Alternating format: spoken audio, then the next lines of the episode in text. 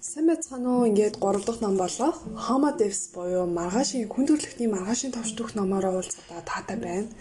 За тэгэхээр манай зохиолч Yuval Noah Harari-гийн тухайд болохоор Оксфордын сургууль түүхээр одоо докторийн зэрэгийг хамгаалж өдгөө Иерусалимын еврей сургууль түүхийн тийм хэмтлийн түүхээр багшилдаг. Тэгээд түүний бүтээлүүд дэлхийд даяар 23 сая хувь борлуулагдаад байна. Тэгээд түүгээр ч арахгүй глобал асуудлаар Францын ерөнхийлөгч Макрон, Германы канцлер Ангела Меркель зэрэг хүмүүсийг ярилцлага хийж байсан их мундаг хүн юм байна. За тэгэхээр Homo Deus ном маань тэгэхээр хүн төрөлхтний товчдох энэ ном маань ерөнхийдөө дотроо 3 бүлэгт хуваагдсан 3 хэсэгтэй байгаа. За тэгээд дотроо жижиг жижиг дид бүлэг хэсгүүдтэй. Тэгэхээр номоо одоо яриад явцгаая маш сонирхолтой санагдах болно. Тэгэхээр хүн төрөлхтний хилцэх шинэ асуудлын хэвд юу юм бэ? Хүн төрөлхтөн өнөөдөр те өсөглөн, тахал, дайн гэсэн гурван зүйлийг ялж чадахгүй гэж бодож исэн боловч даваад гарсан байна.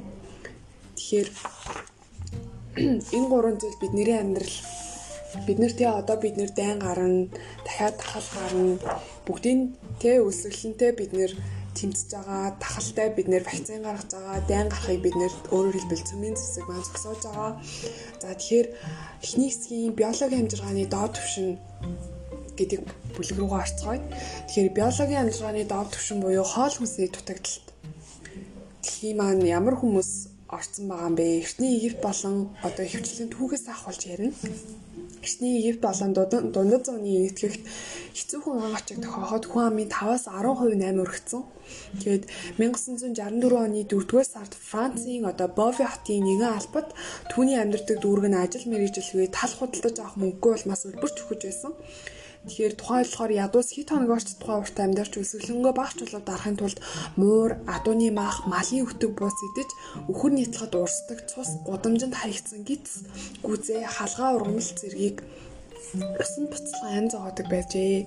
Тэгэхээр үүнтэй адил дүр зураг Франц орныг нөмөрсөн 1690 оноос 1692 оны хооронд ургацын талбай нь үеж тавцснаар сүүцээр үүсдэг байгаа. Тэгээ 1694 оны хавар гэхэд үр тариа нь хадгалах пис харавчууд нь бүгд хоосорсон байгаа юм байна.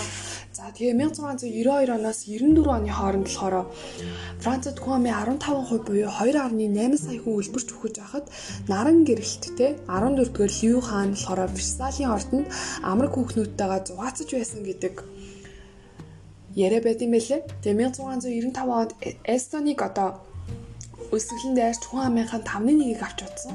1696 онд болохоор Финлянд улс мөн өсөглөн нэрвэгцэн. Тэгээд Шотланд улс бас 1695 оноос 98 орны хооронд мөн аимшигтай өсөглөн нэрвэгдэж хүн амынхаа 20 хүртэлх хувийг алдсан байна. Тэгэхээр маш олон оронд үнтэй адил өөрчлөлтүүд их гарсны нэг нь хятад улс байсан. Тэгэхээр мянганы турш хятадын шар хаан Хуанди хаанаас эхлээд улаан хусгалчдын цаг үед ард түмэн ингээд өсөглөн байсаар ирсэн. Хэдхэн 10 жилийн өмнө одоо хятад улс гэж хэлмэгт санаанд юун төрөнд хоол хүнсний дутагдал ерөөхдөө буудаг байсан. Тэгэхээр тухайн төрөөс хэрэгжүүлсэн их хүсрэлтийн бодлогын гайгаар олон 10 сая хүн өсөж өгсөн төдийгүй судлаачид тухайн үед одоо асуудал улам бүр хүндэрн хэмээн таамаглаж байсан.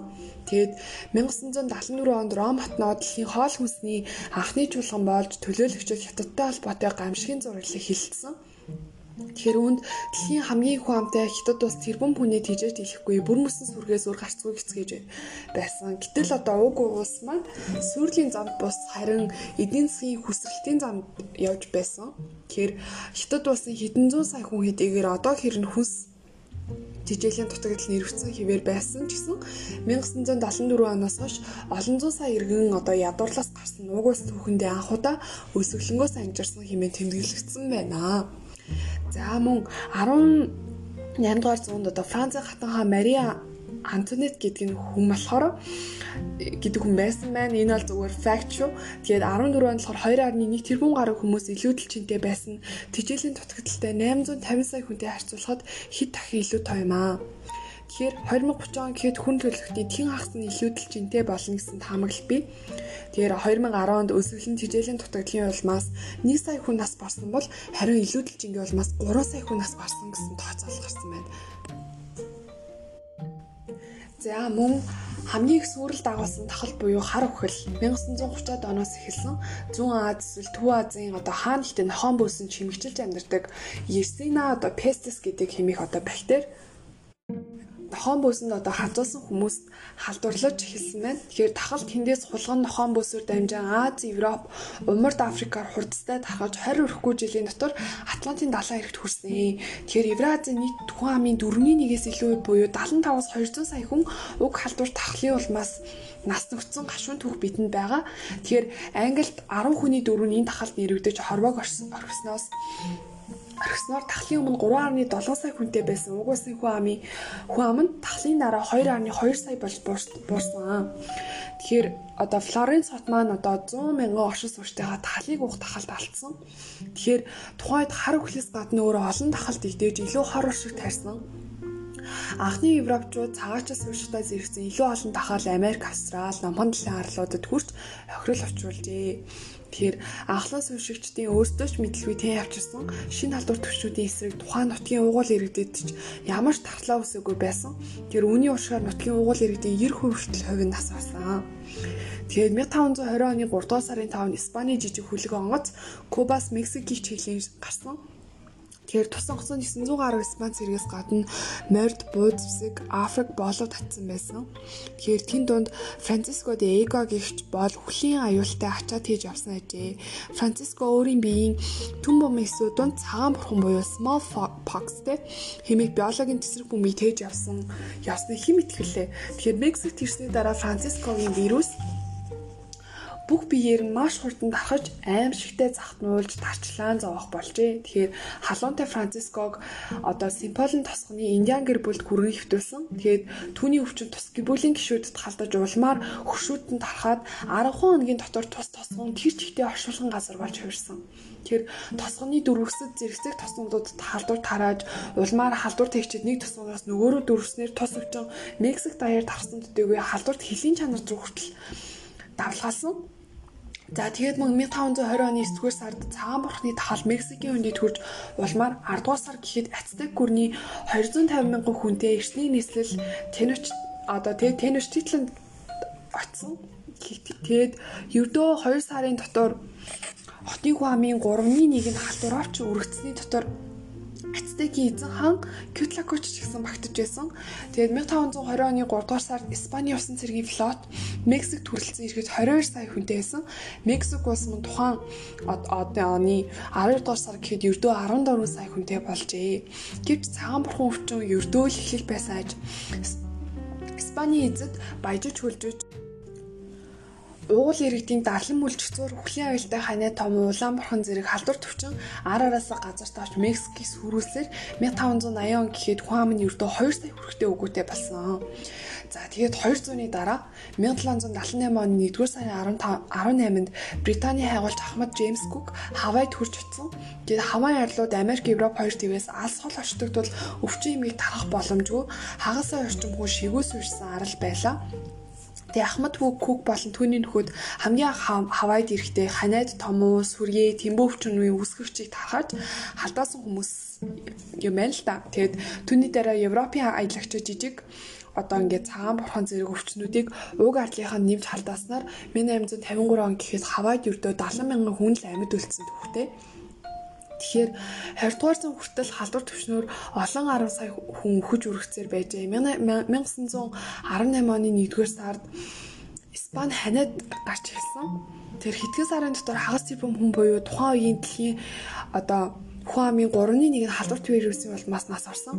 Энэтхэг хүн амын 5% буюу 15 сая хүн, дахид тарлын хүн амын 14 14%, самаа варлын 20% тахлын улмаас харваг орхижээ. Тэгэхээр Конгогийн засгийн уурхаануудын 5 ажилчин дотмын нэг нь өөд болж байв.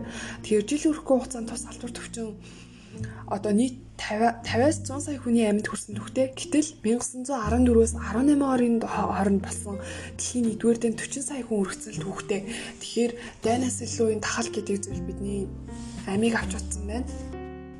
За тэгээд тухайлбал 1979 он цагаан бурхан өвчний эсрэг вакцины аяны дэлхийд даяар амжилттай явуулснаар дэлхийн эрүүл мэндийн байгууллага хүн төрөлхтөн яллаа. Цагаан бурчин цагаан бурхан өвчин бүрэн устлаа хэмээн тунхагласан түүхтэй.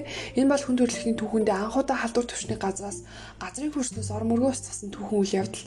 Тэгээд 1967 оноос цагаан бурхнаар 15 сая хүн өвчлөлт 2 сая хүн нас орсон бол 14 он тус өвчнөөр халдварсан эсвэл нас орсон нийт тохиолдол бүртгэдэг байна. Тэгээд өнөөдөр хүн төрөлхтөн тус өвчний бүрэн ясны учир дэлхийн эрүүл мэндийн байгууллага цагаан бурхны эсрэг вакциныг хэрэглэнээс бүр мөсөн алжээ. За тэгээд тухайлбал одоо 2022-оос 2003 оны хугацаанд SARS буюу амьсгалын замын цочмог халтай одоо хам шинж 2005 онд шувууны ханаад 2009-оос 10 онд хан ханаад 14 онд Эбола вирусын өвчин нэгдсэн. Тэгээд ерөөдөө өвчин нэгдсэн байгаа юм. За тэгээд одоо тэр бүхэл олон 10 жилийн турш анагаахын салбарын бүтлгүүтэл хийж тооцогдох болсон дархлал олдмол дархлын олдмол хамсдал вирус буюу дах өвчний хувьд ч одоо твсэн твшил гарч эхлээд байсан. Тэгээ 1980-ад оны их үед уг өвчин огцон одоо дэгтгэд хүний Үүний бол бас 30 гаруй сая хүн нас барж олон сая хүн бие махбод сэтгэл зүйн охирол амссан. За тэгээ түнчлэн дархлын одоо олмол вирус хүний амьд хүрдэггүй юм аа. Харин хүний тархлааны тогтолцлыг тогтолцоог ингээд устгаж улмаал халдвар авсан хүнийг бусад өвчин тархлаагүй болгодог. Тиймээс тох өвчин туссан хүн уг өвчнөр бус харин хасарсан өвчнөр нас бардаг гэсэн байна. Тэгээ энэ шалтгааны улмаас эрдэмтэд тохыг анх халдварлагдаж эхэлсэн яг ямар үйл явц өрнөд бүг ойлгож чадахгүй хүндрэлтэй байсан. Тухайлбал 1981 онд хоёр өвчтний одоо Нью-Йоркийн нэг имлэгт хэвтүүлэхэд тэдний нэг нь уушгины хатгалгаар нөгөө нь хор тавдраа нас барсан гэж. Тиймээс ч олон сар эсвэл олон жилийн өмнө тохын вирусын халдвар авсны улмаас уг хоёр өвчнийг хүчтэн нас барсныг хэн ч ойлгоогүй байна. Тэгэхээр хавсарсан өвчнөр нас ордог гэсэн байна. За мөн одоо 2015 онд эмчнэр цоо шин төрлийн антибиотик нээсэн. Тэр нь одоо Texobactin гэдэг юм. Одоогоор үүний эсрэг ямар ч бактери эсэргүүцэл үзүүлж чадаагүй. Texobactin маш өндөр тэсвэртэй нэм бактери эсрэг тулаанд одоо тоглоомыг өөрчлөгч гол хүчин зүйл болж магад хэмээн зарим эрдэмтэд үздэг.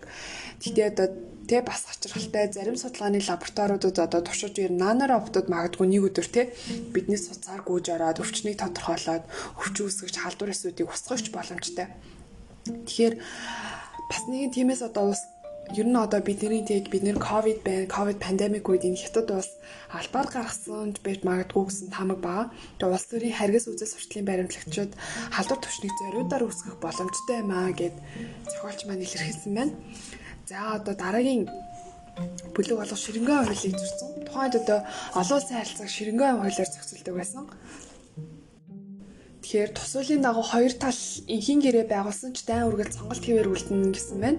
Тэгэхээр эхний хөдөө аж ахуйн нийгэм нийт нас барагстай 15% нь хүний үлдсэн хүчирхийллийн улмаас амиа алдсан хүмүүс эжилж байсан бол 20 дугаар зууны хэмжээнд 5% болж буурсан. Тэгээ 20 дугаар зууны ихээр дэлхийн нийт нас барагстай 1% нь дайны улмаас өөд болсон ажээ. За тэгэхээр 2012 онд дэлхийд даяар нийт 56 сая хүн нас барснаас 620 мянган хүн одоо 20 мянганд хүний үйлцэн хүчирхийллийн улмаас амь өргөцсөн байна. Тэгэхээр дайнд ажны улмаас 120 мянган хүн амь өргөцсөн бол гимт хэргийн улмаас 500 мянган хүн амь алдсан. Тэр үүнтэй жишг зорилгоо зарим нэгэн тоо баримтыг хэлэх аваас тухайн жил нийт 800 мянган хүн амиа орлож 1.5 сая хүн чихрийн шийдэн өвчнөөр хорвоог орхисон байна. Тэр үүнээс харуул сахар ухтаа дараас ч илүү хөнөөлтэй болсон байна. Тэр би түрүү хэлсэнчлэн цөмийн зэвсэг гарснаар бид нэр бидний одоо дайнд хөсгөл болсон юм аа. Тэгэхээр одоо тий өнөө За мөн хачирхалтай баримтууд 2010 он жингийн лөөдөл чихрийн шиж өвчнөөр 3 сая хүн амиа алдсан бол дэлхийн хэмжээнд өндөр хүчтэй орнуудад террорист халдлага 7697 хүн хөтөж нас барцсан байна. Тэгэд Америк эсвэл Европ хүмүүс Аль-Каида бүлэглээс илүүтэй Coca-Cola ундаа хор хөнөөл очруулж бүхлийн аюул занлилж байна гэсэн үг. Тэгэхээр ерөөдөө терроризм бол шоу юм аа нэг терроризм ярьснах те. Ялаа дангаараа одоо те цайны аяхч унгаач нийлэхгүй сул дорой харин ялаа бухолоож хинэр шургаланд өгнөж гарвал бух айд зочин улангасан уурлаа шаазангийн дэлгүүрээс үтгэн шүү дээ тэгэхээр сүүлийн 10 жилд ойролт орнуудад яг л ийм л зүйл болсон. Исламын суурь үндэстнүүд те фундаменталистууд одоо дангаараа Садам Хусейнийг хизээж унгааж чадахгүй байсан. Харин тэд 9 сарын 11-ний халдлагаар Америкийн нэгдсэн улсын хэлэгнүүд Америкийн нэгдсэн улс тэдний өмнөөс ойролт орнуудын шаазангийн дэлгүүрүүдийг сүтгэсэн байна Тэгэхээр ерөөдөө терроризм бол шов юм аа. За тэгэхээр хүн төрөлхтөн өөрсдийн олонлын амжилттай үнэлсээр өөр нэгэн далд утгыг олж нээн гэд тэр нь болохоор түүх хоосон орон зайд төвчдөггүй юм аа. Түүх ерөөсөө хоосон орон зайтай байдаггүй гэдэг утгаар илэрхийлсэн байна. За тэгэхээр бид нэр одоо хүн төрөлхтөн бид нэр homo sapiens байхаа болоод homo deus болохоор зорих юм аа. Тэгэхээр одоо өхлийн сүүлчийн өдрүүд гэсэн бүлэг рүүгээ орцгоё. Амьдралыг тэнцвүүлж хорвоо ертөнцийн чихэн дүрийг нь хүлээлгэж өгөхөр хувраг, раби, бөө зэргийг ерөөхдөө хүмүүс дууддаг байна. Тэгэхээр дундад зууны урлагт одоо өхлийг хадуур барьсан ангуучаар төсөлдөгдөг. Одоо зарим нэгэн кинон дээр бас гардаг шүү дээ. За мөн хүн зарим нэгэн техник саатал бэрхшээлийн улмаас л хөгдөг. Тэгэхээр техник асуудал бүр шийдэл байдаг гэсэн байна. Тэгээд одоо геронтологч буюу насцал судлаач Aubrey de Grey болохоор одоо зохион бүтээч Raymond Kurzweil-тэй хамтраад одоо 2012 онд Google компани инженерийн албаны захирлаар томирогдсон. Улмаар жилийн дараа Google-ийн охин компани Calico байгуулсан. Тус компани алсын зорилго нь өхлийг шийдвэрлэх зорилготой.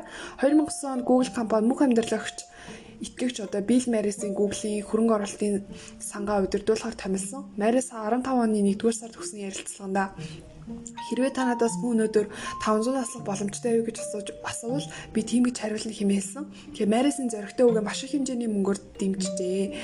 За тэгэхээр Google-ийн хөрөнгө оруулалтын саний 2 тэрбум долларынхоос долларын 36%-ыг хүний амьдралыг хурцсах зорилттой төслөдөд багтаасан шинжлэх ухааны гарааны бизнесүүдэд одоо хөрөнгө оруулж байна. Үхлийн эсрэг тэмцлийг Америк хөл бөмбөгтэй зүйлэн тайлбарлахдаа Марис бид ердөө хідэн ярд газар ахихыг хичээгээгүй харин тэмцээнд ялахыг зорж байна хэмээж яад гэж юу учир нь Марис үзэж боор үхснээс амьдрах нь илүү дээрээжээ. За одоо хөшгөн мөхийн буюу immortal гэхээсээ илүүтэй одоо хөгшөрч өгдөггүй буюу immortal гэдэг зүйл маань үндэ одоо бид нэрийг тойрон байх нь Тэгээ 20 дугаар зуунд бид хүний дундаж наслтыг 40-оос 70 хүргэж чадсан юм чинь 21 дугаар зуунд хүнийг хаад хоёр дахиад сунгах буюу доройж 150 болох талаас нь ажиллах хэрэгтэй байхаа гэж дүгнсэн байна. За тэгээд физикч Макс одоо Планкийн оршуулга бүр шинжилгээ ухаанд оршуулга бүрд шинжилгээ ухааныг алхам ахидаг. Тэрбээ нэг үе өнгөрөө отгоод шинэ онолууд хуучнаа халан гарч ирэх боломж олдог гэсэн ажээ. Тэгэхээр та одоо эрдэмтэн сэтгүүлд тоогооч эсвэл хөл бөмбөгчин байна хамаагүй. Дарагтаа 120 настай санал бодол нь Виктория хатны төрийн эрхийг барьж байх үеэс хэлбэрч гисэн түнчлэн тэр дахиад 20 жил таны дараах хിവэр үлдэх боломжтой гэвэл тань ямар санагдах вэ мэдээж ер нь бас жоохон сонь тий Тэгэхээр Галилей одоо 70 толоод одоо нас барсан. Исаак Ньютон 84-тэй дөө Макелленжо болохоор 88-тай да ямар ч антибиотик вакцины эргэтэн шилжүүлэх мэтлэлгүйгээр амьдарсан. Тэр ч утгаа ширэнгийн шимпанз сармөгчин 60 жил амьдрах тохиолдол байдаг. За ийхүү энэ бүлэг манд бас ажиглалтай байх эрхийн талаар ярив. Тэгэхээр 18 дугаар зууны төгсгөл үед Британий философ Jeremy Bentham хамгийн дээд сайн сайхныг хамаг олноороо хамгийн ажиглалтай байх юмээ тухансан бөгөөд тухайн улсын зах зээлийн болон шилжих ухааны нийгэмлэгийн цорын гац үндэстэй зорилго бол дайны дэлхийн ажиглалыг хэсгэх юм хэмээн дүгнсэн байна. За тэгээд 19-р зууны сүүлээр Германы канцлер Otto von Bismarck одоо улсаас олгох тэтгэвөр нийгмийн хамгааллын санааг анх гаргасан ч иргэдийн ажиглалыг нэмэгдүүлэхээс илүүтэй улсдаа өмнөж байдлыг нь татах зорилго агуулсан. Төр нь таны 70 нас хүртэл халамжлана гэж итгэсэн учраас та 18 таад улсынхаа төлөө дайдаж төштөдөд татвараа төлнө гэсэн үг. За тэгэхээр 20 дугаар зуунд болохоор тухайн улс үндэсний амжилт нэг нэг хүн ногдох дотоодын нийт бүтээгдэхүүнээр хэмжиж ирсэн.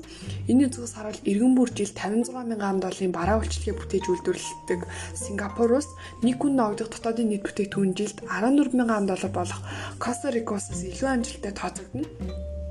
Харин өнөө үеийн сэтгэгчид улс төр эдийн засгийн дотоодын нийт бүтээгдэхүүн бүтээгдэхүүн одоо дотоодын нийт аж аргалын үзүүлэлтээр оруулж тооцох мөн түүчлэн дотоодын бүтээгдэхүүнийг дотоодын нийт аж аргалын индексээр одоо аж аргалын үзүүлэлтээр оруулж салгах тухай ярьж эхэлсэн байна. Тэгэхээр эцсийн эцэст хүмүүс юу хүсдэг вэ? Тэд үйлдвэрлэж бүтээхийг бус аж аргалтай байхыг хүсдэг. Тэгэхээр аж аргалтай байхыг материалын үндэс суурь нь бүтээгдэхүүн үйлдвэрлэл гэдэг нь үнэн хэдийш бүтээгдэхүүн үйлдвэрлэл бол аж аргалт хүрэх арга зам болохоос бус аж аргал нь биш юм аа. За мөн ядуурл улс төрийн тогтворгүй байдал буу тогтворгүй байдал буу Перу, Гватемал, Филиппин, Албан зэрэг хөгжиж буй орнуудад жилд 100 мянган хүн тутмаас ойролцоогоор нэг хаймаа оролдог. Харин их тавин тогтсон Швейцар, Франц, Япон, Шинэ Зеланд зэрэг баян орнуудад жилд 100 мянган хүн тутмын 25 аймаа оролдог байна. Тэгээ 1985 онд өмнөд Солонгос ухаан мэдээллийнх нь ядуу, боловсралгүй, уламжлалтаа хүлэгдсэн, захиргаатал дарангуулын нийгэмд амьдарч байсан. Өнөөдөр өмнөд Солонгосоос эдийн засгаараа тэргүүлэгч улсын тоонд орж доктортой хайрцангуй арчсан тогтолцоотой бас болон өгсөн байна. Тэгээ гэвч угаслаад 1985 онд 100 мянган хүн тутмаас 98 хорлсон бол өнөөдөр энэ тоо 3 дахин их өссөн байна. Тэгэхээр чулуун засгийн үед те хүн дунджаар өдөрт 4000 калори зарцуулдаг байсан. Тус зарцуулалтанд хоол хүнсээс гадна багаж хувцас, гар урлал, галт үлээ бэлдэх ажлууд бүх багтсан. Өнөөдөр дундаж Америк хүн өдөрт 228 калорийг өөрсдөө одоо хооллохоос гадна машин, компьютер, хөрвөгч зурагт зэрэг зарцуулж байна. Тэгэхээр дундаж Америк хүн чулуун засгийн үеийн анчнаас 60 дахин илүү энерги зарцуулж байна гэсэн үг. Дундаж Америк одоо 60 дахин илүү аж аргалтай байгаа болов энэ тооцоонд тун ухацтай хандах хэрэгтэй. 1950-аас 2000 оны хооронд Америк нэгдсэн улсын дотоодын нийт бүтээгдэхүүн 2 их 80 ам доллараас 12 их 80 ам доллар болтлоо өссөн. Жирэмслэгээс хамгаалахын эмчилгээ гарснаар одоо илүү их одоо урд өмнө байгаагүй өөрчлөлтөй болсон одоо бэлхийн асуудал. Тэгэхээр эмэгтэйчүүд ижил хүүснүүд Африк гаралтай Америкчууд болон бусад цөөнхийн бүлгүүд Америк билуунаас илүү том тусан бүрцэцгийх болсон. Тэгэхээр хэмт машин, хөргөгч, агааржуулагч, тоос сорогч, сав сулга угаагч, угаалгын машин, телефон, зурагт, компьютер зэрэг эд хэрэгслүүд эд хэрэгслүүдийн даалгавар өдөр тутмын амьдралын танихын арга өөрчилсөн. Гэвч судалгааны үр дүн 1990-ад оны Америк Америкчүүдийн аж аргалын түвшин 1950 онтой бараг л ижил хэмээнд гарсан байна. Тэгэхээр өөрөөр хэлбэл аж аргал гэж юу юм бэ? Хүмүүс өртөө бие махбод ороод халамжтай мэдрэмж авах үедээ л аж аргалтай болдог юм байна л да. Тэгэхээр зориг биш харин түн төрөх аялал бидэнд аж аргал бэлгэлдэг. Тэгэхээр нөгөө бид нэр одоо тэгээ зорилгодоо хүрнэ гэд илүү махарч байхаас илүү тухайн одоо зорилгодоо хүрэх процесстоо илүү ингээ ажиглалаа цуглуулдаг байх хэрэгтэй. Ажиглалаа бүтээдэг байх хэрэгтэй юм болов. Тэгэхээр дэлхийн нийтэд ажиглалын нэмэгдгийн нэмэгдүүлэхийн тулд бид хүний бие хүний биеийн биохимик залж удирдах шаардлагатай юм аа. Тэгэхээр Тухайлбал одоо Италийн буюу сэргийгч чимийг сургуулийн насны хүүхдүүдэд ихээр хэрэглэх басан 11 онд анхаарал татмагших хит хөдөлгөөнөөс одоо хөдөлгөөнтөх одоо эмэгтэй 3.5 сая Америк хүүхдийг хүүхэд уугийн эмийг уусан байна. Тэгэхээр Англид 1997 онд тусдаа 92 мянга байсан бол 12 онд 786 мянга болтлоо өссөн байна. Тэгэхээр тус эмийн анхны зорилго нь анхаарал цэцэрлэгийг засах байсан боловч өнөөдрийн байдлаар цоо хариулах хүүхдэд хичээлдээ улам сайхаар цэцэг их багш нарынхаа тавьсан хүлээлтэнд хүрэх гэж уг юм их хэрэглэх басан байна л да. Тэгэхээр Иракдаг Америк цэргүүдийн 12%, Афганистан дахь Америк цэргүүдийн 17% дайны дарамт стресстэй тэмцэх тулд нойрсоологчийн болон сэтгэл хөдлөлийн юм уудаг байна. Тэгэхээр ач холбогдолын төлөөх биохимийн арганд дэлхийд тэргүүлж буй гинт хэргийн гошилтгаас юм л юм л та. Тэгэхээр 2009 онд Америк нэгдсэн улсын нийт хоригдлуудын тгийн хагас нь масуурлах бодистой холбоотой хэрэгээр шурамгийн хаалга татсан байна. Италийн хоригдлуудын 38% нь масуурлах бодистой холбоотой хэрэгт холбогдсон. Английн хоригдлуудын 55% нь хувь нь одоо масуурлах бодис худалдаасан эсвэл хэрэглэсний улмаас шоронцсон. 2001 оны баримтаар Австралийн хоригт одоо хоригдогчдын 62% нь гэмт хэрэг үлдэх үедээ масуурлах бодисын нөлөөнд авсан байсан. Тэгэхээр хүмүүс мартахын тулд согтууруулах хундаа ууж тавьшихын тулд тамхи татаж өөртөө ихтэй байхын тулд кокаин, метамфетамин хэрэглэдэг бол экстаз одоо ингээд таны сэтгэл хөдлөлгөөнд автуулж очир хийсний тэнгэрдэг люситэй уулзуулна хэмээн боддог байл да илүү их амар амгалан болохын тулд. За ийхүү аз жаргал ажиглалын хэсэг манд дуусаж ихтлэхийн бурхан бурхад гэдэг хэсэг рүү орцгоё. Тэг Геркулесийн хүч чадал Афродитийн хүсэлд очиод Афина бурхны мэрэгүү ухаан эсвэл Дионосын ур хилэн гэх мэт хүснээ сонгож худалдаач болдоггүй ирж магадгүй гэсэн таамаглал өгсөн байна. Тэгэхээр дараах 3 замаар хүн төрөлхтөн бурхтын төвшөнд хүрч дэвшиг бол уул гэж ерөөхдөө таамагласан байна. Үүнд биологийн инженерчлэл, киборг инженерчлэл, амгиобийн инженерчлэл орох юм байна л та. Тэгэхээр биологийн инженерчлэл нь бид амьд биесийн бүрэн зас боломжийг гүйцэд ухаарч чадаагүй гэсээ мэдхээс эхэлнэ. Тэгэхээр 4 тэрбум жилийн турш Тэдгээр амьд биетүүд байгалийн шалгараалд нухлагдаж нэгэст амиабас хэвлэр явагд цаашлаад хөхтөн амьтаа эцэстээ Homo sapiens болтлоо хөгжсөн.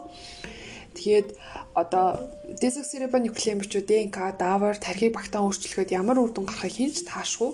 Тэгээ биоинженерчл болохоор байгалийн шалгарлын явцад ижил бүтэхийг хүлгээж төвчгүй л болов. Харин биоинженерүүд спесүүдийн бие махбод дээр генийн кодыг дахин бичиж тархины хэлхийг шинээр зангидж биохимийн тэнцвэрийг өөрчилж тэр ч байтугай шиний тэрэгтэн ургуулж магадгүй. Тийхүү бид Homo erectus-ээс ялгаатай шиг бид биднээс ч төдийчний ялгаатай шин төрлийг бүтээнэ гэсэн үг юм л да. Тэгээ киборг инженерчл гэдэг нь амьд биеийг бионик гар хиймэл нүд мөн цэцний сууцаар нэвтрэн зорчиж одоо гимтэл өвчнийг оншуулж эмчлэх олон сая нанороботууд гэх мэт амьд бас багаж төхөөрөмжтэй нэгтгэх үйл ажиллагаа эхлээд байгаа юм. Тэгэхээр энэ киборг биет нь ямар ч одоо амьд биеэс илүү их чадамжтай болон тухайлбал альваа одоо амьд бие тодорхой нэг үйлдэл хийхийн тулд бүх хэсгүүд нь одоо шууд харилцан хамааралтайгаар ажиллах шаардлагатай байдаг. Хэрвээ зааны тарих нэтгэх нүд нь одоо хятадд хүлэн австрал байна гэвэл мэдээж хүсэн тооцож ойлгоно. Ямар нэгэн нууцлаг аргаар амьд байлаж одоо тухайн заан сонсож харж алхаж чадахгүй мэдээж харин киборг биет эсэргээрээ нэгэн зэрэг олон газартай боломжтой. Киборг эмч одоо Стокгольм дахь ажлын өрөөнөөс гаралгүйгээр Токио, Чикаго тэр бүхэл ангар гарагт барилах сансрын үлэгт яаралтай хаалгаа хийж чадна гэсэн үг. Эмчид өндөр хурдтай интернет, хідэн хос бионик, одоо тий бионик гар нүд байхад л хангалттай.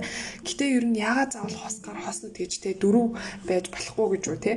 Үндэ гар нүдний хэрэггүй чиж болно. Киборг эмч оюуханаараа багаж төхөөрөмжтэйгээр шууд талбан чадах хойно хаалгаа хийхэд гарнууд ямар хэрэгтэй гэж Тэгэхээр тань шинжилгээ ухааны зөвнөл зохиолноос сонсогдож болох ч энэ бүхэн аль хэдийн бодиттой биелж эхлээд байгаа юм л та.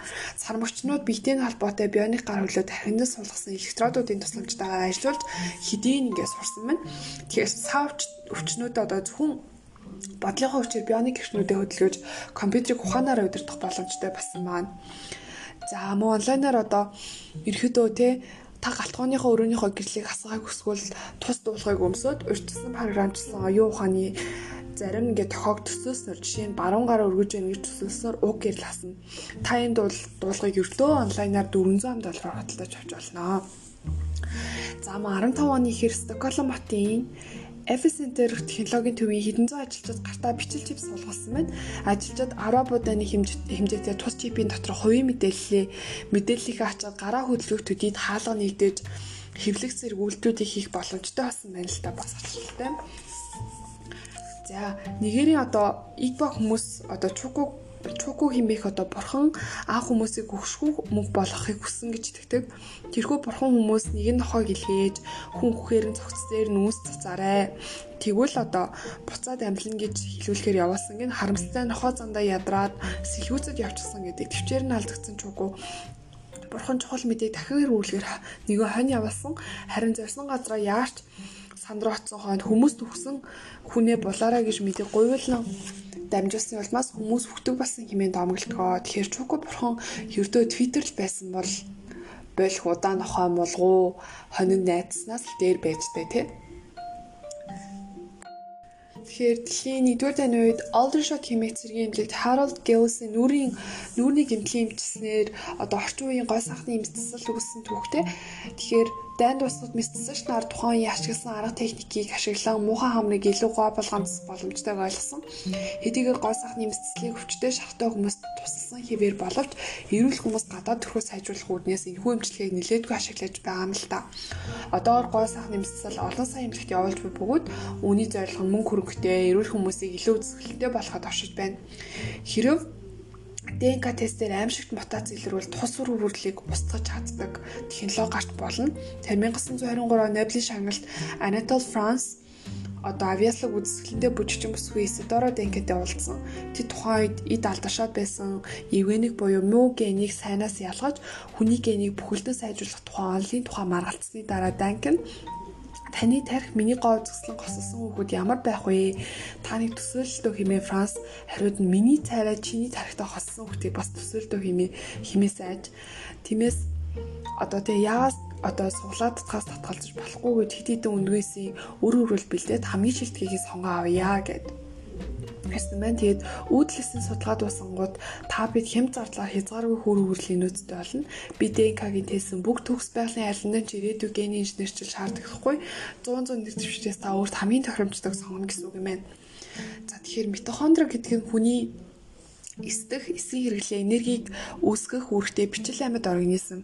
Тэд өөрсдийн гэсэн гентэй бөгөөд эсийн цөм ДНК-аас бүрэн тусгаар зогс бүтцээж, сонгогтой митохондри ДНК-гийн эрүүл мэндийг дороотуулах, улмаар өвхөлт хүргэх янз бүр өвчин шалтгаан болдог. Тэгэхээр одоогоор одоо хуруу шилний технологиор гурвалсан эцэг ихтэй үүс болгох замаар митохондрал гений өвчнөөс сэргийлж чадж байгаа мэн.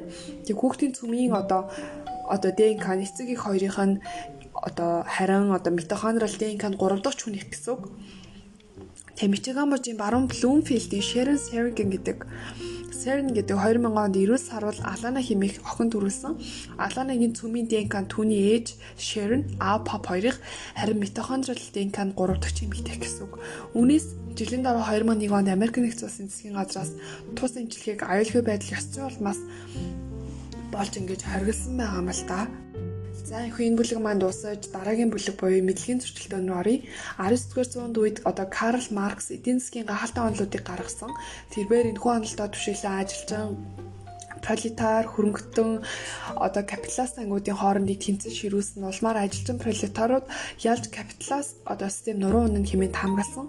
Мөн Маркс тэрхүү хувьсгалд ажил дээрийн хувьсгалын тэргүүлэгч орнууд буюу Англи, Франц, Америк зэрэг одоо эхэлж өгнөд цааш нь дэлхийгээр тархна гэдэгт итгэлтэйсэн. За тэгээд одоо өөрчлөлт авчаагүй жишээ буюу одоо paradox одоо мэдлэг загварлыг өөрчлөхгүй л бол ашиг тусаа өгөхгүй гэсэн байна. За тэгэхээр энэ хэсэг маань иймэрхүү. За мөн дараагийн хэсэг болох ногоон зүйлийг хэрхэн дэлгэрсэн тухай товчдөг.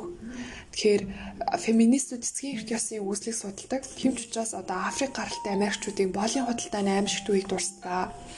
Тэд өнгөрсөн түүхээ давтахыг бус харин түүгээс салж ангичрахын тулд тийхүү судалдаг. Нийгмээс агуу том амьсгалын хувьд үнэн зөв байгаа альваа зүйл өдөр тутмын амьдралын төвшөнч мөн үнэн байдаг. Шин байшин бариулж буй залуус барилгачтаас байшингийнхаа уртаал сайхан ногоон зүйлийг ургуулахыг хүсэж байна. Яагаад ногоон зүйлийг зүлэгтэй болмоор байна. Учир нь зүлэг сайхан шүү дээ. Гэж тэд мэдээж тайлбарлах бах. Тэд яагаад ногоон зүлэгтэй болохыг хүссэн гэж та бодож байна. Үүний ард нэг төв бий. Чулуун засгийн үеийн анчин төлөв анчид төвөрлөгчд агуухаа үдэнд өвс ногоон тарьдаггүй байсан. Афины Акропол, Ромын Капитол, Иерусалим эртний сүм, Бээжингийн хориотой хот зэрэг газар хизээш зочдоо ногоон зүйлэг дээр ухтаж байсангүй.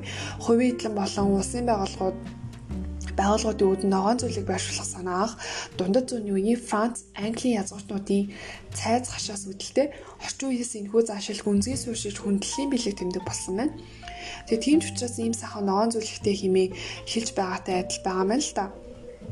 Тэгэхээр зүлэг байгууламж том имбаланссан байх тусмаа тухайн гүрүү бас хүчрхэг гэсэн утгыг ерөнхийдөө үлдээдэг юм байна. Тэгээд 19-р зуунд хөрөнгөтнүүд зүлэг ногоог ачлах тал дээр гарсан гайх зүйл алга. Эхэндээ зөвхөн банкны эзэд, хуульчид мөн үйлдвэрийн эзэд хувийн тасаг байшинд барилгадаа одоо ногоон зүйлийг тарьдаг байсан. Харин Ажил дөрөв хясгалын ачаар дундаж давхрах хэснээр зүлэг хадагч автомат тусалгааны хэрэгцээ өснө нэмэгдэж улмаар олон сая айл гэрийн гадна гинэт ногоон зүлэгтэй болцсон. Тэгээ баян айлын тасаглал тооцогддог байсан цэвэрхэн ногоон зүлэг дундаж түвшний айлын энгийн хэрэглээ болсныг Америкийн захын оролдлоос харж байна гэсэн байна. Тэгэхээр Катарт шинээр баригдсан исламын шашнын урлагийн музейн гаднах зүлэг Багдадын Харвал одоо Ал Рашидийн ногоон зүйлгээс илүүтэй 14-р одоо Ливийн Версалийн ордны ногоон зүйлгийг санагдуул юм. Америк компаниас загварыг нь гаргасан Арабын цүл донд байрлах 80 м квадрат талбайтай ус уг одоо ногоон зүйлгийг мөнх ногоон байлгахад машин хэмжээний цэвэр ус шаарддаг юм байна. За энэ хүү бүлэг маань дуусаж эхний үзэгдэл гарсан буу хэсэг рүү орцгоё. Тэгээ хүний шүтсэн үзэл, хүнийг шүтсэн үзэл гэдэг маань өөрөө хуманизм. Тэгэхээр хүн төрөлхтөнд үзэл одоо дэлхийд 300 жил ноёсон төдийл төдийлэн одоо урт хугацаа биш байсан юм аа. Египтийн одоо фараон 3000 жилийн турш Египтийг захирсан хамт ламнаар Европыг 1000-ны турш ноёсон.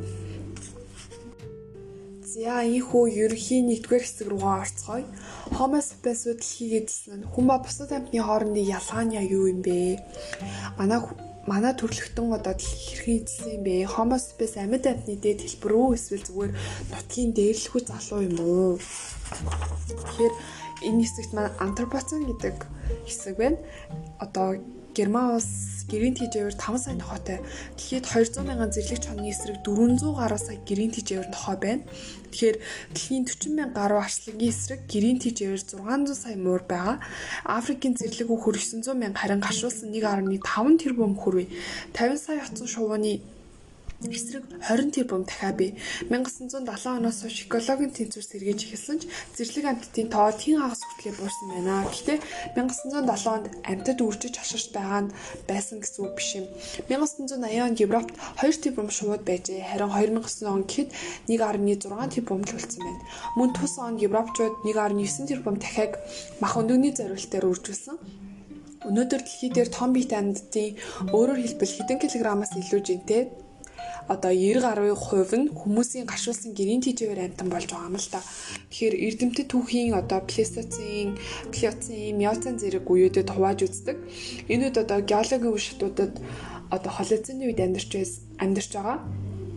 Магадгүй одоо сүүлийн 70 мянган жилийн антропоцены буюу одоо хүн төрөлхтний үе гэж дуудвал зохистой. Эдгээр мянган жилийн турш Homo sapiens дэлхийн экологийн төхөйг өөрчлөгч 6 зүйн зүйл болсон юм аа. Тэгэхээр 100 Африкаас гаралт Зүүн Африкаас дэлхийн өнцөг болон бүр таван суурьсан Тэв арал бүрийнхээ ургамал амтай аймгийг өөрчилж явсан бид нар улмаар тэд одоо дэлхийдээ хүний хүний одоо төрөл одоо зүйл болсон. Тэгэхээр одоо Австралийн том амьтдын 90%-ийг Америкийн одоо том хөхтөн амьтдын 75%ийг манай гаргийн их газрын том хөхтөн амьтдын 50%ийг хэдийн мөхөд хүргэсэн байгаа юм л та. Тэгэхээр энэ үед бид анхны үр тариагаа тавиагүй, анхны металл багаж хэрэгслээ хийгээгүй, анхны ихээ бичиж буулгаагүй, анхны зас мөнгөж үйлдвэрлэхгүй байсан. Арслан зааны нэг сүрэгт хідэн 10 толгой багтаж, сүрэг одоо жилдээ 2 үр төлөөр нэмэгддэг байсан.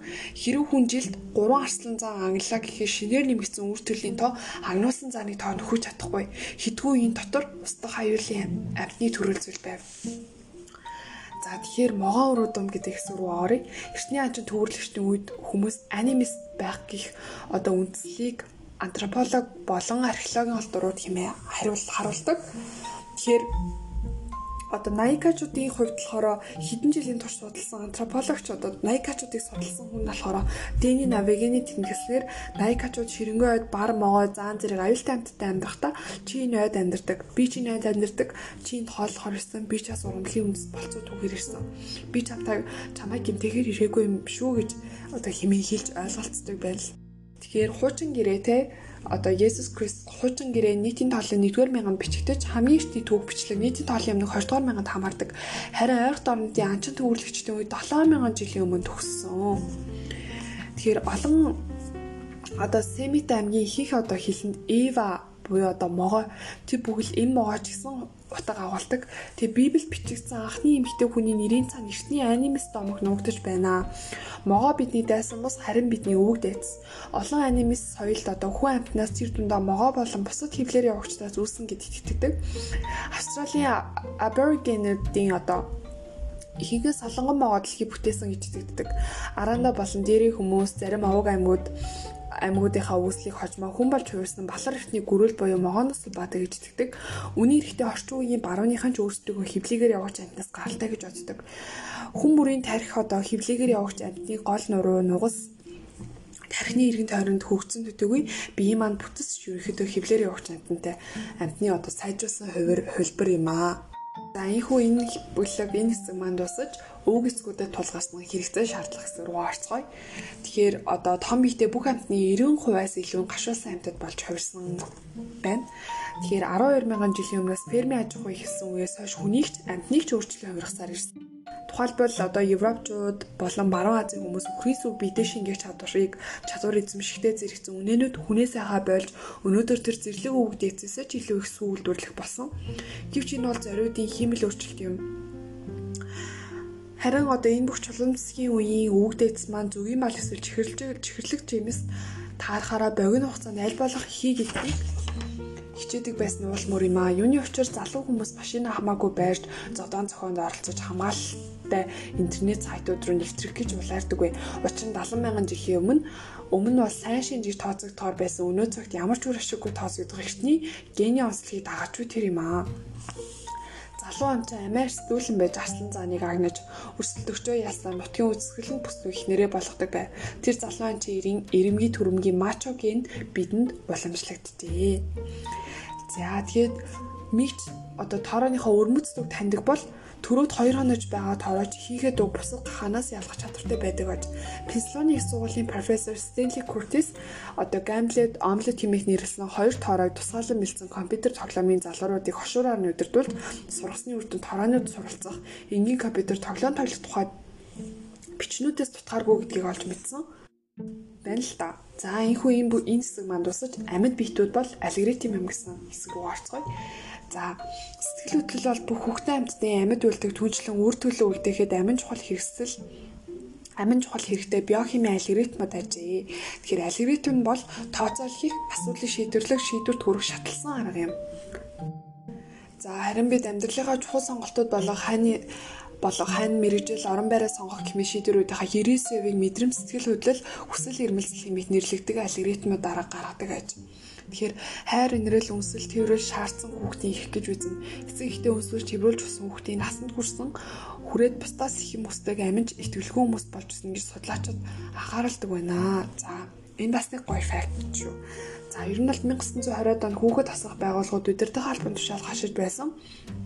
Джон Ватсон эцэг эхүүдэд ийхүү зөөсөн хүүхдээ эзэж битгий тэрвэрчүүс өвөр дээрээ битгий сулга үнсэх хэрэгтэй бол унтахын өмнө тухан дээрлүүс өглөө босноод тэдэнтэй гар барь нялхсан асаргаа химээх алдартай сэтгүүлд хүүхдийг өсгөх нууцын сахилга бац ахиулах мөдөр тутмын хатуу хуваарийн дагуу материалын хэрэгцээг нь хангах явдал гэж тайлбарсан байна.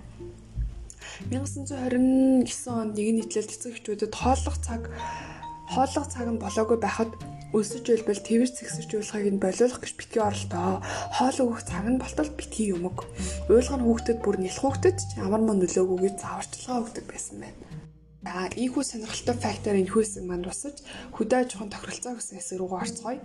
Одоо theocracy буюу бурхны яс нийгэм. За тухайлбал эдвэн шашны сударт одоо гардаг байсан байна л да. Тэгэхээр одоо сударт одоо тариач ханчны тухай өгүүлдэг. Ихэнх одоо тушаал зарлиг ферм тосгоны амьдрал баяр надам ургацсан баяртай холбоотой. Тэгэхээр өнөөдөр одоо Баал булсын одоо Барипар а Барипор тоцгон 5 жил тутам Гадхами охин тэнгэрийн баярыг тэмдэглэдэг. 2009 онд Гадхами одоо охин тэнгэрийн 250 мянган мал амьтнаар дахил өргөжээ. Нутгийн жолооч Британий сэтгүүлчид хэрэг бид ямар нэгэн зүйл хүсэх бол энэ дэрж охин тэнгэр дахил өргөдөг. Тийгүү 5 жилийн дотор бидний бүх хүсэл биелдэг гэж тайлбарласан байна. Тэгэхээр анимист ертөнцид альва бүхэн өөр хоорондоо шууд ярилцаж харилцдаг байгаад байгаа юм л еврейчүүд шабат баяраар фермийн амьтдыг шаардлагагүй зовлон тарчлаас чөлөөж амраахыг тушаасан байна. Тэгэхээр Библийн чи бүх хөнөө химих үг зөвхөн хүний хамардаг бол эртний нэгтгэгийн ахимса хүчрхийлэхгүй гэдэг утгатай зарим ухамсарт оршихуй бүрийг ингээ хамарч өргөжжээ. Одоо Жанис одоо ламнаар ялангуяа үүнд анхаардаг.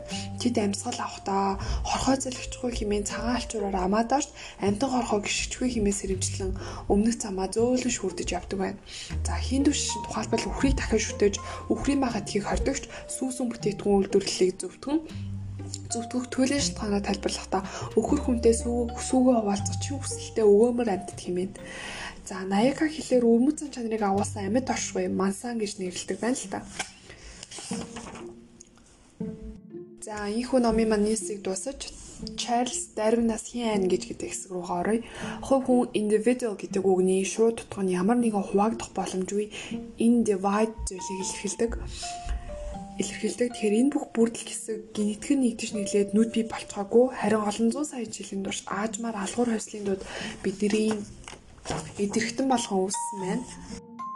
За бас нэгэн сонирхолтой факт хувийн хувьд эрдэмтдийн гаргаж ирсэн хамгийн шилдэг тест буюу Тьюрингийн сорил нь одоо нийгмийн тогтсон журмын хүрээнд шалгалт одоо хэмждэг тус сорилоор компьютерийг оюун ухаан тест гэж тодорхойлдог. Та компьютер болон жинхэнэ үнэтэй нэгэн зэрэг харилцсан. Ингэхдээ аль нь хүн эсвэл компьютер болохыг мэдэхгүй. Та хүссэн асуултаа асууж, тоглоом тоглож, маргалтан мэтгэлцэж тэр бүхэл тэдэндээ сэтгэнэж болно.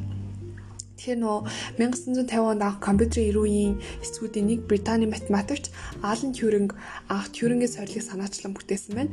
Тьюринг ижил хүүстэн байсан бөгөөд тухайн одоо үед нь Британд одоо ижил хүүстэн харилцааг хуулиар хориглодог байсан. 1952 он түүний ижил хүүстэндээ бэлгийн харилцаанд орсон хэмээн хүчээр химийн аргаар тайган болгосон. Үүнээс 2 жилийн дараа Алан Тьюринг амиа орсон. Тьюрингийн сорил нь 1950 онд Британд ижил хүснэ хүмүүрийн заавал өгөхтэй сорилын загвараас санаа авсан байна. Тур сорилоор хүний ижил хүснэ үү эсвэл эсрэг хүснэ үү гэдгийг тодорхойлдог болдог аж.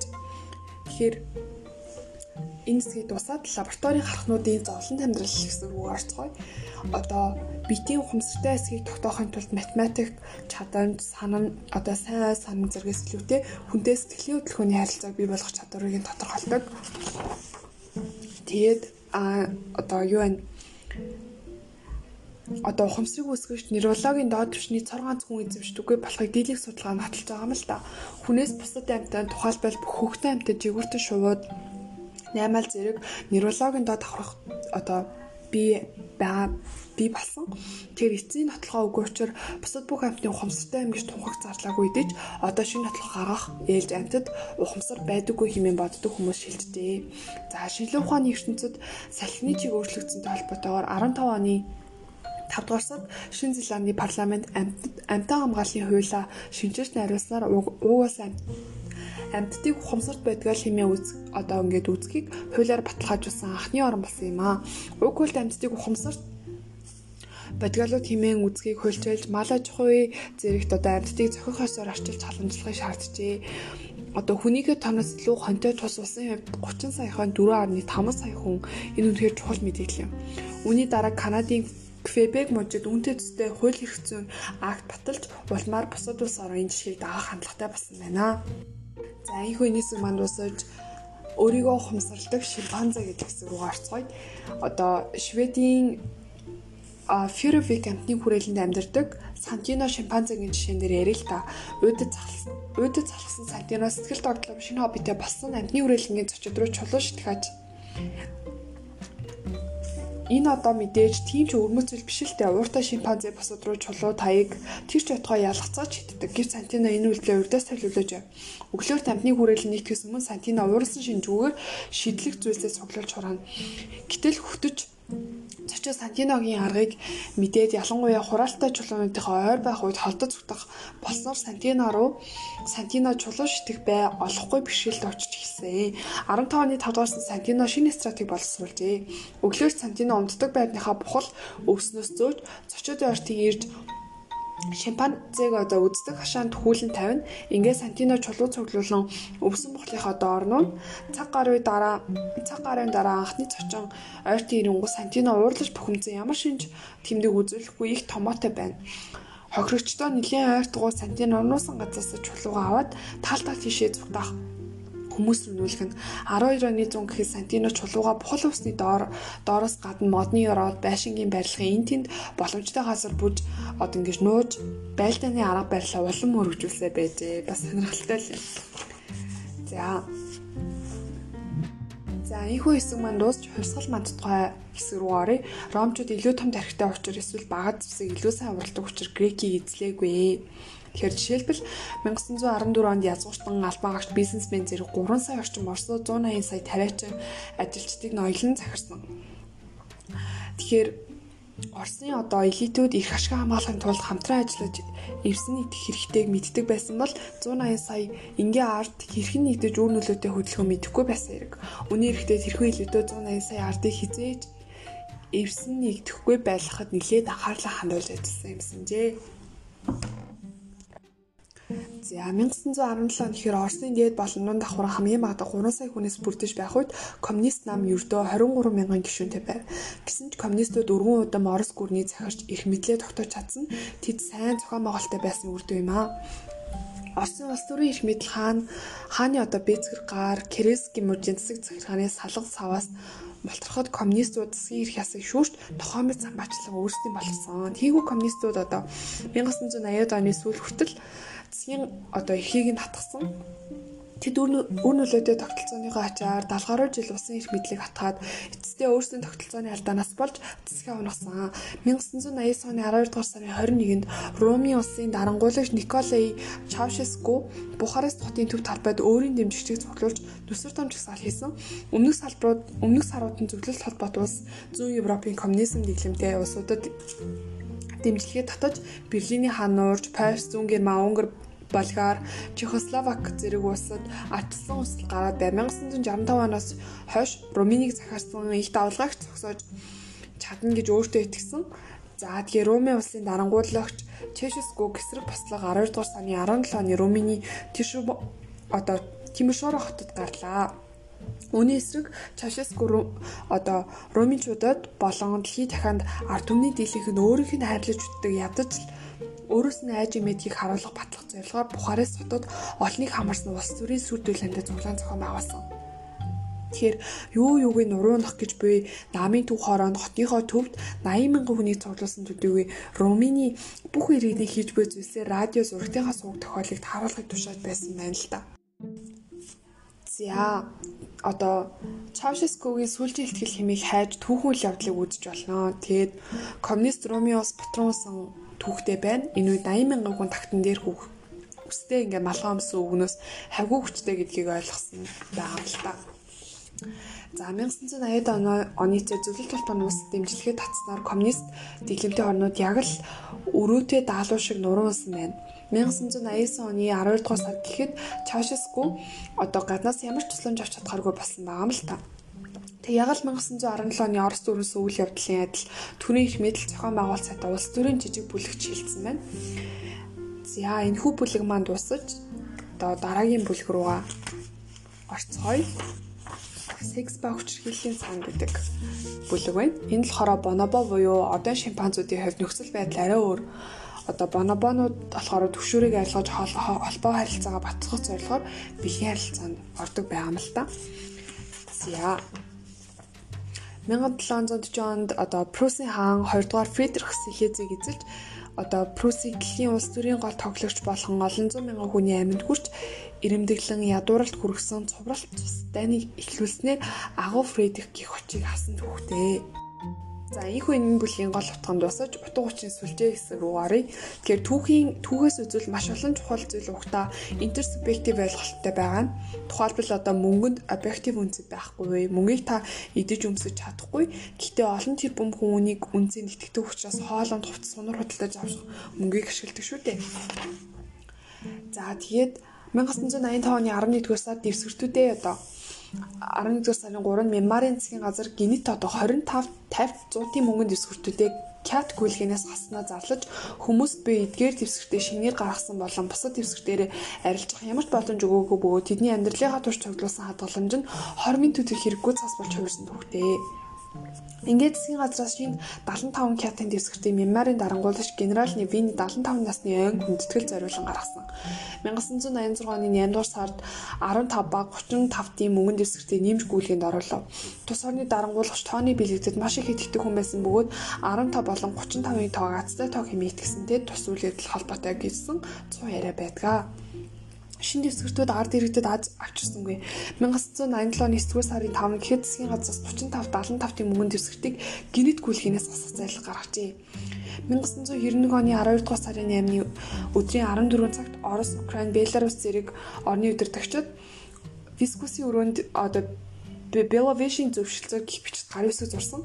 Энэ юу гэрээ 1922 онд холбооны гэрээ байгуулан гарын үсэг зур зөвлөс социалт бүгд найрамдах холбоот улсыг үүсгэн байгуулах үндсэн улсууд болон бүгд найрамдах Беларусь улс, Орос Албаны улс, Украинаарт ийхүү олон улсын хууль, геополитикийн бодит байдлыг хэлтгэх байгууллагын хуваар одоо оршин тогтнолоо зогсоостыг зарлж байгаа юм л та. Гих агуулгатай ингээд зөвлөлт холбоодоос оршин тогтнохоо байсан юм. За 1987 оны Салахаддин Хатины тулаан загалмайтны армийг буцаахан Иерусалимыг эзэл авсан. Үүний хариуд Паплам ариун хотыг дахин босгохын тулд загалмайтны 3 дугаар дайныг эхлүүлсэн байна. За энэхүү нэгдүгээр хэсэг маань дуусч хоёрдугаар хэсэг рүүгээ орцгоё. Homo sapiens ертөнцийн утга учиртай болгосон. Хүн төрөлхтөн ямар ертөнц бүтээсэн бэ? ертөнцийг зөвхөн захирах төдийгүй үүнд утга учир өгч чадна гэдэгтээ хүн төрөлхтөн хэрхэн итгэсэн бэ? Humanism хүн төрөлхтний шүтэг үзэл хэрхэн хамгийн чухал шашин болсон бэ талаар ярилцгаая. За үлгэр зохиогчд хэсгийн хувьд одоогоос 12 мянган жилийн тэртээ эхэлсэн хөдөө аж ахуйн хувьслаар интерсубъектив сүлжээг бэхжүүлэн томруулах шаардлагатай материалын бааз суурийг бий болгов. Газар тариалан хэрэгслээр хотод чивүү суух олон мянган хүнийг түнчлэн цэрэг армигч тэжих боломжтой болсон. Гэтэ интерсубъектив сүлжээ шин бэрхшээлтэй учирсан. Нийтийг хамаарсан домог үлгэрийг хадгалж олон нийтийг зохион байгуулахын тулд эртний газар тариалан хэрэглэгч хүний тархины мэдээлэл боловсруулах чадварт найдах шаардлагатай болсон ч тэдэнд ийм чадвар тун хамс байжээ. Шумерийн эртний хотуудад 6000 жилийн өмнө сүмүүдэн бишрэл мөрөглийн төв байгаа зогсолтгүй эдийн засаг улс төрийн хамгийн чухал зангилаа байв. Шумерийн бурхад орчин үеийн брэнд компаниудтай зөвлөлгөц одоо үүрэг гүйцэтгэсэн өнөө үеийн компаниуд газар эзэмшдэг мөнгө зээлдэг ажил ажилчид хөсөлтөг эдийн засгийн хөдөлтөө наймаа санаачлан эргэлдэг зохиомол хуулийн этгээдүүд билээ. За шумерүүд болохоор өнөөдөр бид нэг Google, Microsoft ямар бодит зүйлээ ямар бодит зүйл билээ шумерчүүдийн хувьд ч гэсэн Enki Inanna бурхад тийм л тийм л бодит байсан хэрэг. Тэгэхээр шумерчүүд бичиг үсэг мөнгийг зохион бүтээсөө буюу 5000 жилийн өмнө энэхүү бэрхшээл одоо эцэст нь өгөө болсон юм байна. Тэгэхээр фараон нийслэл Мемфис хотын ордондоо одоо усан үзэн мэдээж эхнэр болон татвар эмзтэйгээ зугаацсан сухцур фараоны албатууд газар дууны тэнгисийн эргээс нөөбийн цүл хүртэл хаан тулсыг хөндлөн гол туучин зүтгэн хааны албатууд тосон бүрийн төлөх ёстой татварыг тооцож урт хуйлмал цаасан дээр бичиж бүтгээд Мемфис руу илгээн. Мемфисийн Мемфисээс иргэдийг цэрэгт элсүүлэх эсвэл барилгачдын ажил дайрлах тушаал бичгээр ирэхэд өнөөх албатууд явж шаардлагатай тооны хүнийг цуглуулна.